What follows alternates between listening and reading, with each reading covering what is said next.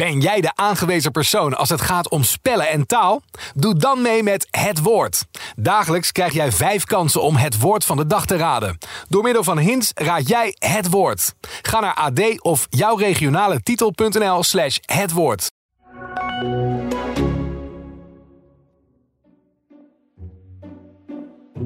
Als je van voetbal houdt, dan weet je direct wat ik bedoel met de teen van Casillas. Het was bloedheet en zelf lag ik de hele dag in het zwembad om maar niet de hele tijd aan die wedstrijd te denken die s'avonds gespeeld zou worden. Maar Nederland zou na het trauma in Duitsland in 74 en in Argentinië in 78 een derde trauma oplopen. Weer werd Oranje tweede. Mede dankzij die verdomde teen van de Spaanse keeper. Ja, goede bal, goede bal. Robben, op weg naar, op weg naar Arjen Robben. Oh!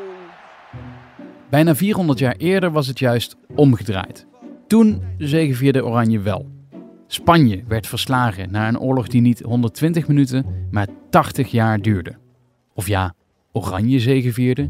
Willem was zelf al heel wat jaren dood toen Spanje verslagen werd.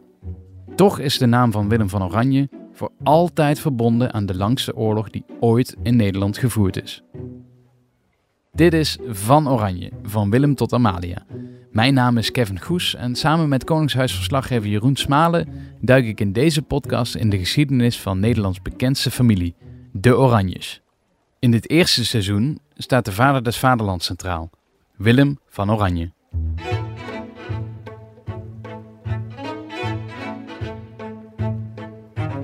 Jeroen, aflevering 2 van deze podcast. Eh, wat was er de vorige keer ook weer eh, besproken? Nou ja, die, Willem van Oranje, hè, hoe die een, eh, een, een prinsdom heeft geërfd. Hoe die terecht kwam in de Nederlanders, zoals het toen genoemd werd. hoe hij katholiek werd opgevoed terwijl hij zelf uit een Luthers nest kwam. Maar ook hoe hij in Brussel allerlei invloedrijke mensen leerde kennen. En uh, hoe hij aan de hand van die mensen ervaring opdeed, ook op diplomatiek gebied. Ja, en hij leerde natuurlijk ook de Spaanse overheerser kennen. Persoonlijk zelfs. Heel persoonlijk, ja. En daar ook jaren goed mee optrok. Terwijl ze elkaar later naar het leven zouden staan, letterlijk. Ja. Um, en uh, nou ja, we zien ook wel de eerste tekenen van hoe hij zich ging afzetten tegen die Spaanse overheersing en tegen Philips II. Ja, en hij werd ook al in die tijd, nou in die tijd misschien nog niet de vader des vaderlands genoemd, maar hoe die aan die bijnaam is gekomen, dat kunnen we straks ook nog vragen aan uh, René van Stipriaan. Maar we gaan het nu richting het begin van de Oranje-invasies, 80-jarige oorlog. Ja. Nou ja. dat kennen we allemaal. Ja, nou ja, leg maar uit. Hoe ken je dat dan? Ja, Oranje-invasies denk ik dus uh, aan hordes mannen die achter een dubbeldekkerbus aanlopen, terwijl ze op uh, deze muziek, moet je maar luisteren, over straat lopen.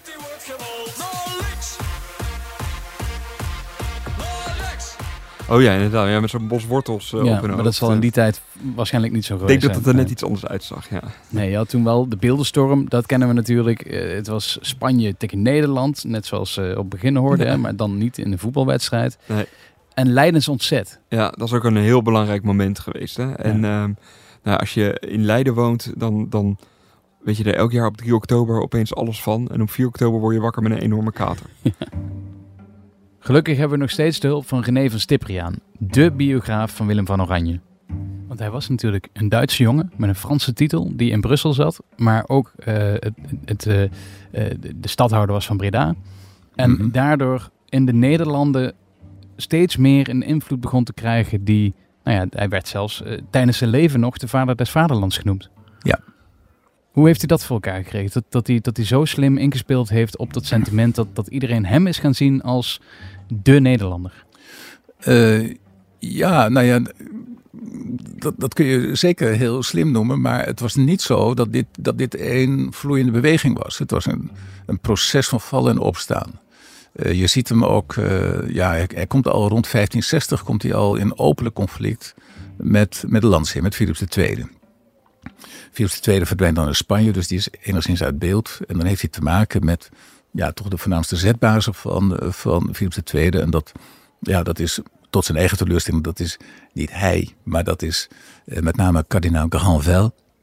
En deze Granvelle is een, is een zeer machtig, zeer behendig, zeer uh, uh, hard bestuurder. Iemand die heel goed weet wat hij, wat hij doet.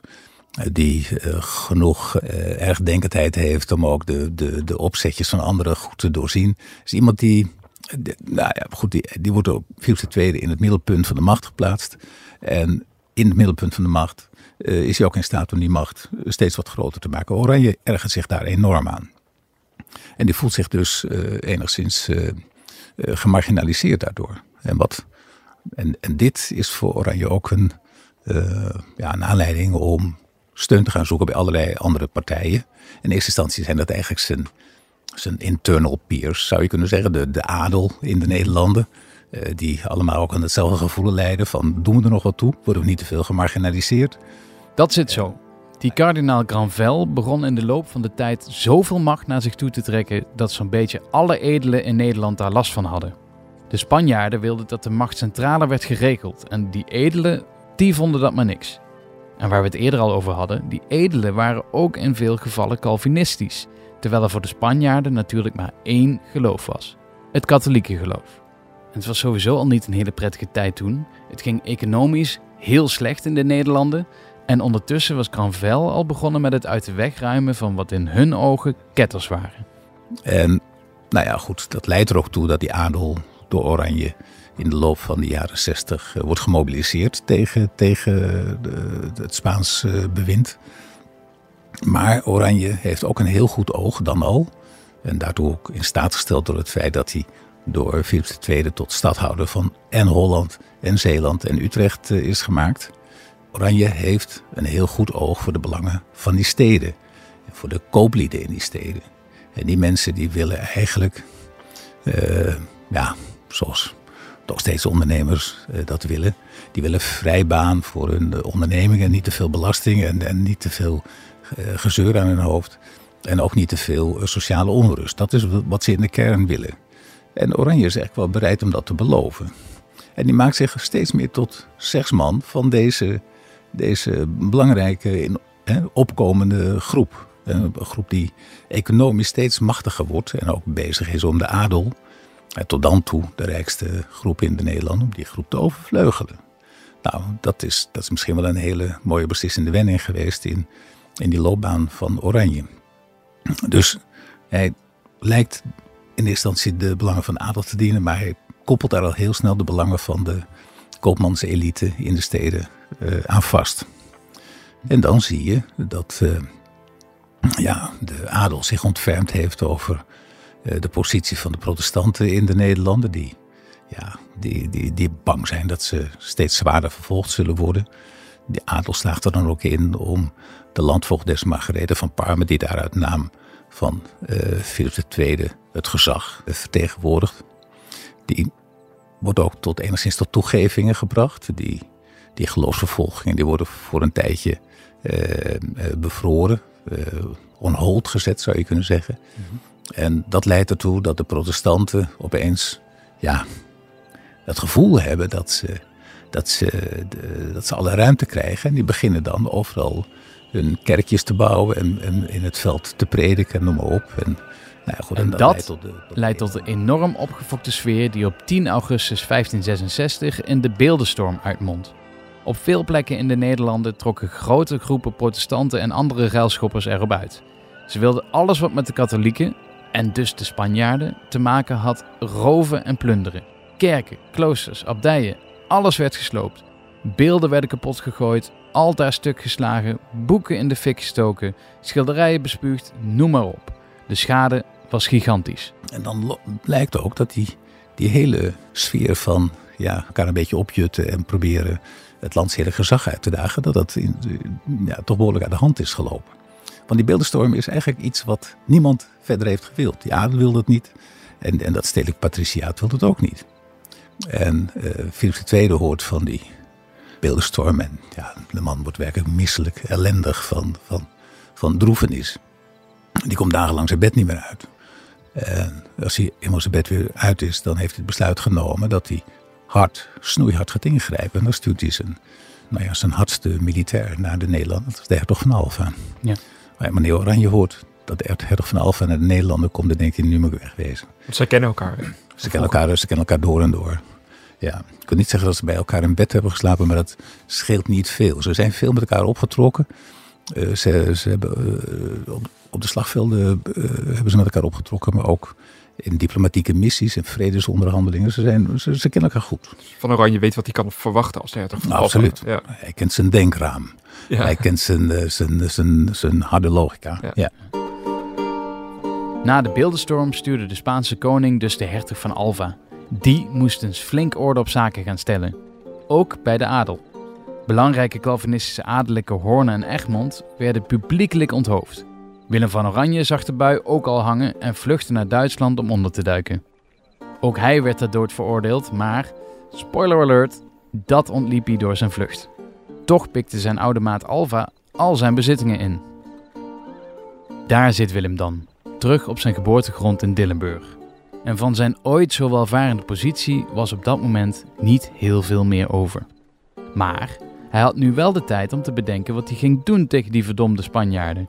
Want op zo'n terreur als die van Alva zat niemand, maar dan ook echt helemaal niemand, te wachten in de Nederlanden. En Willem had veel vrienden, dus hij hoopte ook op veel steun. Maar dat viel wat tegen. Ja, dat, dat, dat kun je wel zeggen. Je, je moet er denk ik zo zien in 1568, ten tijde van de eerste invasie. Dus dan is hij het land uit, hij is alles kwijt. Hij leent geld, hij brengt een leger op de been. En probeert eh, met een gerichte invasie uh, uh, Brussel te bereiken en Alfa uit de macht te drukken. En dat is wat we noemen de eerste Oranje-invasie in 1568. En eerste doel is toch, ik kan het niet anders zien, de herkrijging van zijn eigen bezit. Een belangrijk nevendoel, en het doel dat hij er bij wijze van spreken overheen legt, is bevrijding van de Nederlanden uit de tirannie van Alva. Mm Alva die die afschildert als uh, een, uh, een, een, zetbaas van de koning. En de koning weet niet wat die uh, zetbaas allemaal voor lelijks doet. Hè? Alva, de grote tiran. Samen met zijn broers Lodewijk en Adolf en nog een paar anderen trekt Willem van Oranje vanuit Duitsland de Nederlanden binnen om de Spanjaarden te verdrijven. Maar de legers van Alva zijn echt stukken sterker. Die eerste Oranje-invasie is dus niet bepaald een succes. Oranje uh, verspijkert een godsvermogen aan deze expeditie uh, en bereikt helemaal niets. Uh, zijn leger kost een hele hoop geld, maar wordt door Alfa op alle mogelijke manieren ja, het bos ingestuurd en uiteindelijk het land uitgejaagd. Dus het, het, gaat als een zootje ongeregeld uiteindelijk de grens met Frankrijk over. En Oranje eindigt in Straatsburg, omringd door uh, boze legeraanvoerders die allemaal geld van hem willen. En Oranje weet niets beters te doen dan vermomd s'nachts in een schuitje de Rijn af te zakken. Om aan deze schuldeisers te ontkomen. Nou goed, dus dit, dit is eigenlijk over en uit zou je denken. Mhm. wat, wat moet je nu nog? Maar goed, dan staat toch, hè, nadat hij zo'n wonder gelikt heeft, staat de, de staatsman Oranje op. Die, die, die, die, die, die zijn fouten van 1568 tot zich laat doordringen. En dan denkt van ja, ik moet, ik moet dus een paar dingen substantieel anders doen. Je gaat zichzelf een beetje Nou Kevin, uh, daar zit je dan weer op het kasteel waar je ooit geboren bent. Blut, berooid. Wat zou jij dan uh, gaan doen? Ja, je moet jezelf heruitvinden. Je moet op zo'n moment moet je bedenken van... oké, hoe kom ik nou weer terug in die Nederlanden? Hoe zorg ik dat ik toch een grote man ben... terwijl ik net een heel groot verlies uh, geleden heb. En, uh, dus je had de boekdrukkunst, die kwam in die tijd op. Nou ja, pamfletten. Luther, die liet het al zien, hè, met zijn 95 uh, eh, geboden. Um, ja, ja, wat kun je nog meer? Nou ja, wat ik nu zou doen is de hele dag Netflix en Spotify aanzetten. Dus je zou ook een beetje uh, gebruik kunnen maken van, uh, ja, van muziek bijvoorbeeld? Ja, muziek. Dat was in die tijd natuurlijk ook belangrijk om, om mensen die niet geletterd waren te bereiken. Dus je kon een, een, liedje over jezelf laten schrijven. Ja, um, ja een soort van influencer hè, werd je dan. Precies. Nu zou je op Instagram gaan of juist er een tijdje vanaf zijn. Hè? Dat, is, dat, is nu hip hè? Dat is hip hè, ja. Um, maar dan zou je wel terugkomen, keihard, op Instagram met een paar hele goede stories. Waarin je jouw verhaal verkondigt. Dus en Willem... dat heette toen apologisch. Ja, dat is net. Ja, dat zou trouwens ook wel een hele mooie naam kunnen zijn voor een sociaal medium nu. Apologies. Misschien iets voor uh, Donald Trump. Ja, maar een toffe bijnaam. Dat was natuurlijk ook iets hè, wat, wat, uh, wat goed helpt. Um, ja, hij was in ieder geval bezig om de PR-machine op te starten.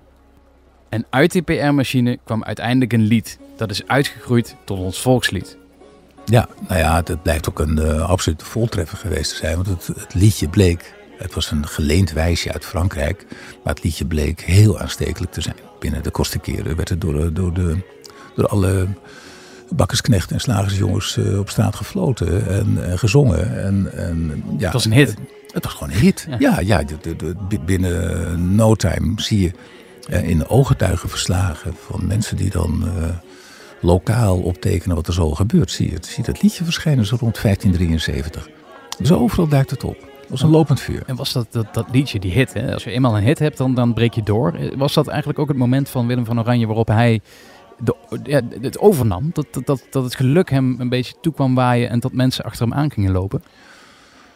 Ja, dat is moeilijk eh, te zeggen, want ehm, Kijk, een, een, leuk liedje is niet genoeg om bij wijze van spreken eh, al je overtuigingen af te leggen en een andere overtuiging aan te nemen. En dan vervolgens al je dagelijkse bezigheden in de steek te laten naar het front te trekken. Dat, dat, dat, zo werkt het niet. Maar wat wel werkte was dat het algeheel gevoel over Oranje, uh, het, het, het hielp om het liedje, maakte hem tot een soort belangeloze strijder voor ja, voor de Nederlandse zaak. Zo. Willem van Oranje heeft zichzelf neergezet als een grote meneer en gaat in Delft wonen. Tijd voor een tweede invasie. Appeltje eitje, toch? Nee, want ook die tweede invasie werd niks. Het lukt Willem maar niet om de Spanjaarden te verslaan. Al vierde hij wel een grote overwinning door Leiden uit handen van de Spanjaarden te houden, wat we overigens nog altijd vieren tijdens Leidens ontzet. Daarmee veranderde langzaam het sentiment in de Nederlanden. En vier jaar later vierde Willem zijn grootste overwinning. Niet eens met een militaire ingreep, maar met een slim trucje: de pacificatie van Gent. Ja, ik, ik, ik vind die pacificatie van Gent vind ik een uh, huzarenstuk. Dat is ook waar je ziet dat, dat Oranje een uh, ongekend politiek uh, genie moet hebben bezeten. Dat klinkt goed, een huzarenstukje. Maar wat was de situatie toen? Holland en Zeeland zijn voor een groot gedeelte op dat ogenblik in handen van de opstandelingen onder leiding van Oranje. En de rest van de Nederlanden is uh, goed deels in handen van het Spaanse landstedelijke bewind. En uh, wat gebeurt er dan? Dat is toch een wonderlijke speling van de geschiedenis ook weer. Het Spaanse bewind moet behoorlijk wat investeren om, om die legermacht in de Nederlanden op de been te houden. En dat lukt niet altijd. Philips II kampt in Madrid kampt hij met enorme financiële problemen. En die financiële problemen leiden er ook toe dat de geldzendingen vanuit Spanje vaak heel lang op zich laten wachten. En dat brengt het, uh, het Spaanse leger ertoe uh, stevig te muiten. Uh, worden steden, worden huizen worden belaagd, beroofd. Allerlei politieke instellingen worden, worden beroofd, in de fik gestoken. Vrouwen worden verkracht. Iedereen loopt kans om vermoord te worden. Het zijn gruwelijke gebeurtenissen. Bijvoorbeeld in Antwerpen. Die hele stad die gaat, nou ja, die leidt onder een furie, zo wordt het ook genoemd. De Spaanse furie in Antwerpen, waarbij duizenden mensen omkomen. Uh, verschrikkelijk veel uh, kostbaarheden worden geroofd. En ook van alles in de fik wordt gestoken, inclusief het nieuwe stadhuis van Antwerpen. Nou, dit brengt, brengt de schrik er goed in, definitief in, bij werkelijk iedereen die er in de Nederlanden toe doet. Van dit willen we niet. En dat had Willem van Oranje dus al die jaren al gezegd. Die Spaanse troepen die moeten weg. Dat heeft hij namelijk al rond 1560. Uh, eh, heeft hij dat al uh, tot een belangrijk politiek punt gemaakt. En dat heeft hij telkens weer herhaald. En je ziet wat er van komt. En uh, wat je dan ziet is dat inderdaad de verschillende gewesten, dus ook de katholieke, Spaansgezinde gewesten, eisen dan dat die Spaanse troepen weggaan. Wat is nou het geniale van Oranje? Niet dat hij die Spaanse furie in Antwerpen in november 1576 weet te benutten om dit doorgedrukt te krijgen, maar dat hij daarop heeft geanticipeerd. Hij heeft daar voor een hele periode, heeft hij bij wijze van spreken de nationale kaart gespeeld. Hij zorgde er dus voor dat een verdeeld land een gezamenlijke vijand kreeg. De troepen van de Spaanse koning. En dan is het een kwestie van dagen want die onderhandelingen zijn al gaande over we eisen dat die Spaanse troepen worden teruggetrokken als 17 gewesten in de Nederlanden. Dan is het een kwestie van dagen en dan worden de handtekeningen gezet. En dan sluiten ineens alle gewesten, protestants, katholiek, uh, koningsgezind, uh, opstandig, sluiten zich aan één. Het Spaanse gezag wankelt dan echt. En het kan dan niet anders dan dat de Spaanse troepen ook worden teruggetrokken. En dat gebeurt dan. Ja. En nu heb je natuurlijk ja, Jeroen. Uh, Willem had dus alle neuzen in Nederland dezelfde kant opgekregen. Uh, dat heeft hij wel goed gedaan, toch? Ja, ja, ja een soort poldermodel hè, toen al, uh, voordat het echt uitgevonden werd. En hij toonde zich toch wel een groot diplomaat. Daar moet je eens even over nadenken. Dat had hij natuurlijk in Brussel van de Spanjaarden geleerd. Ja, gebruikte die tegen ze. Precies, je geeft je tegenstander een wapen waar hij jou mee gaat bevechten. en nu denk ik dat je ook wel iets beter begrijpt waarom hij de vader des vaderlands wordt en in die tijd al werd genoemd.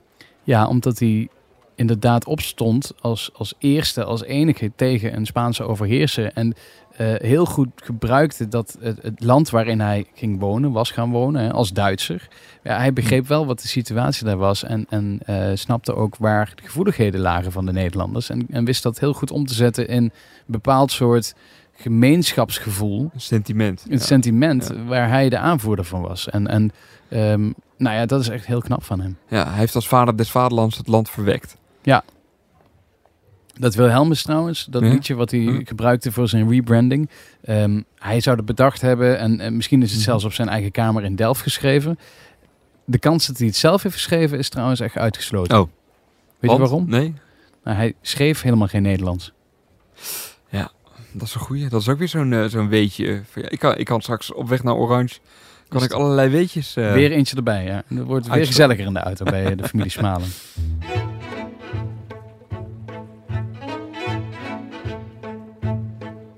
Dit was Van Oranje, van Willem tot Amalia. Ik ben Kevin Goes en ik maakte deze podcast met Jeroen Smalen, Koningshuisverslaggever van het AD. Montage en sounddesign zijn gedaan door Daan Hofstee. Abonneer je alvast even voor de volgende aflevering via je Favo podcast app. En als je nog meer podcasts van het AD wil luisteren, dan kan dat op ad.nl slash podcast.